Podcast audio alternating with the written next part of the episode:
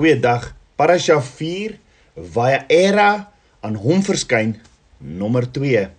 In Genesis 18 vers 2 staan toe hy Abraham sy oë opslaan en kyk, staan daar drie manne voor hom. En toe hy hulle sien, loop hy hulle tegemoet met die ingang van die tent af en buig hom na die aarde toe. Onthou Abba Vader en twee engele het aan Abraham verskyn en dan reageer Abraham en wat doen Abraham? Abraham het sy oë opgeslaan en gekyk. Toe staan daar 3 manne voor hom. En toe hy hulle sien, loop hy hulle tegemoet van die ingang van die tent.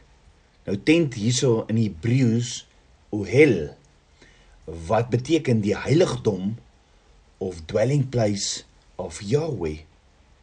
Dis hier waar Abraham homself toe neerbuig na die aarde toe neerbuig na die aarde toe in Hebreëus is die woordjie shaga wat beteken om te onderdruk, om te buig of om plat neer te val. Dis 'n prentjie van nederigheid voor Abba Vader en die Hebreëse letters in shaga vertel vir ons nog meer. Shaga word gespel in Hebreëus met die volgende letters: shin, shet en hay. Shin is die Hebreëse prentjie van tande en kan beteken dat dit verteer of vernietig. Shin staan ook vir die woord Shaddai wat 'n naam is van Abba Vader. Met ander woorde, dit is die een letter wat Abba Vader gebruik om homself ook te identifiseer. Shet, die tweede letter is die prentjie van 'n plek van beskerming of toevlug, 'n heiligdom of die binnekamer. Hy die derde letter is die prentjie van 'n uitgestrekte arm en beteken om te kyk, om op te kyk of om op te let wat volg. Met ander woorde, die eerste verborgenheid oor hierdie aanbidding van Abraham net in die letters van aanbidding is in die aksie van aanbidding is om te buig om afgedruk te word terwyl jy Jahwe Elohim aanskou soos wat hy jou in daardie innerlike heiligdom nader trek waar hy homself aan jou identifiseer. Terwyl jy jouself dan voor hom verootmoedig, trek hy jou veilig nader hom toe, na hom toe en bou hy 'n intieme verhouding met jou. Maar wag, daar's meer.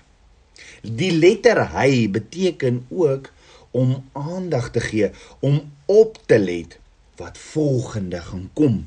So dink daaroor, wat kan ons vind in die woord wat kom of wat volg as gevolg van aanbidding buiten hierdie intieme verhouding wat klaar awesome is.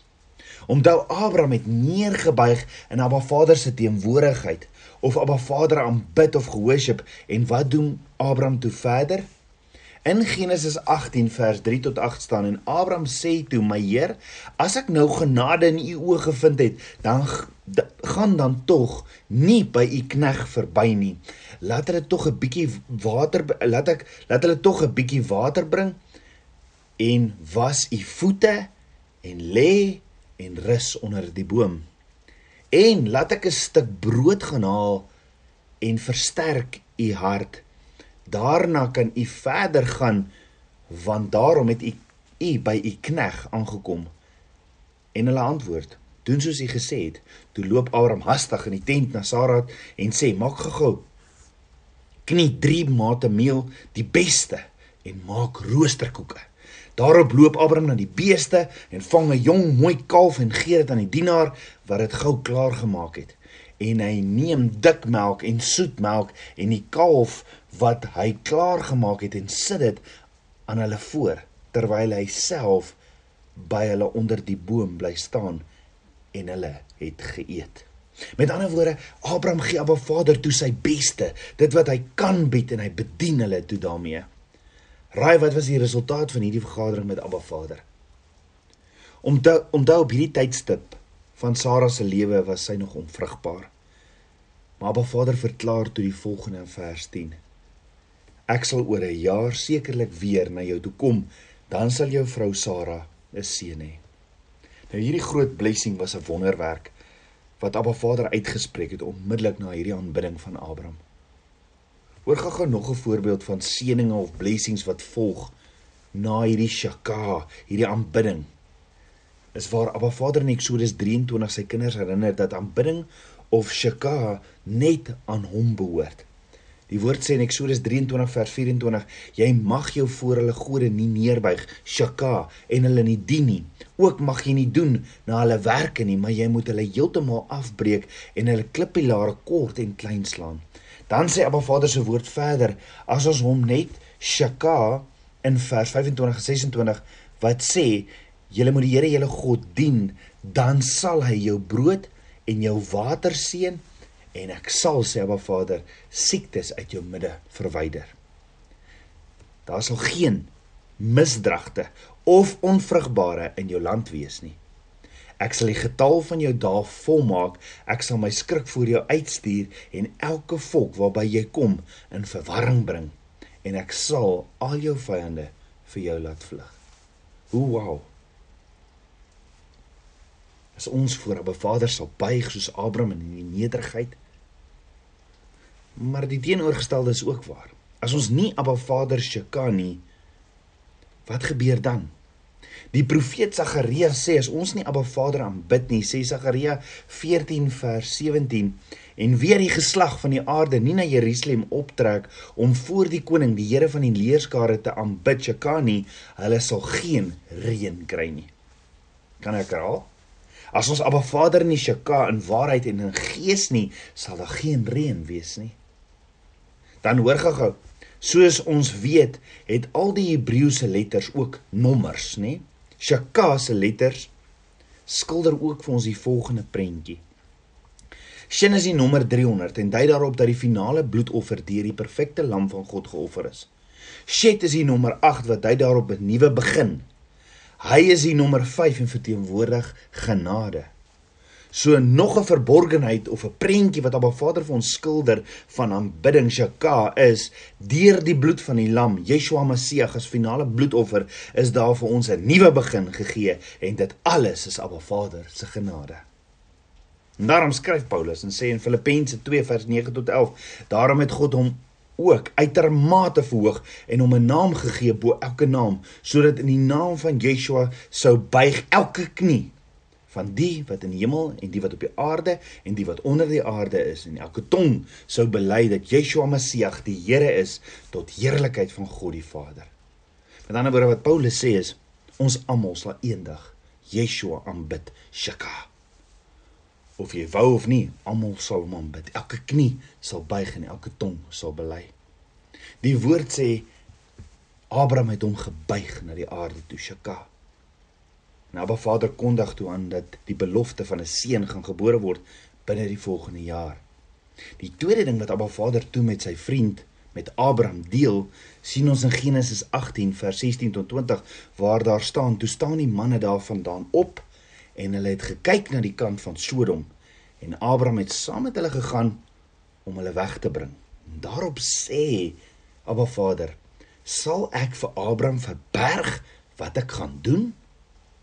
Terwyl Abraham tog sekerlik 'n groot en 'n magtige nasie sal word en al die nasies van die aarde in hom geseën sal word want ek het hom verkies dat hy aan sy kinders en sy huis na hom bevel sou gee dat hulle die weg van die Here moet hou om geregtigheid en reg te doen sodat die Here oor Abraham kan bring wat hy oor hom gespreek het. Verder sê Abba Vader, die geroep oor Sodom en Gomorra is waarlik groot en hulle sonde is waarlik baie swaar. Met ander woorde, die tweede ding wat Abba Vader met sy vriend met Abraham deel, is sy voorneme om Sodom en Gomorra, hierdie twee prominente stede in die land te vernietig. Nou Amos 3 vers 7 sê, want die Here Here doen niks tensy hy sy raadsbesluit aan sy knegte die profete geopenbaar het nie.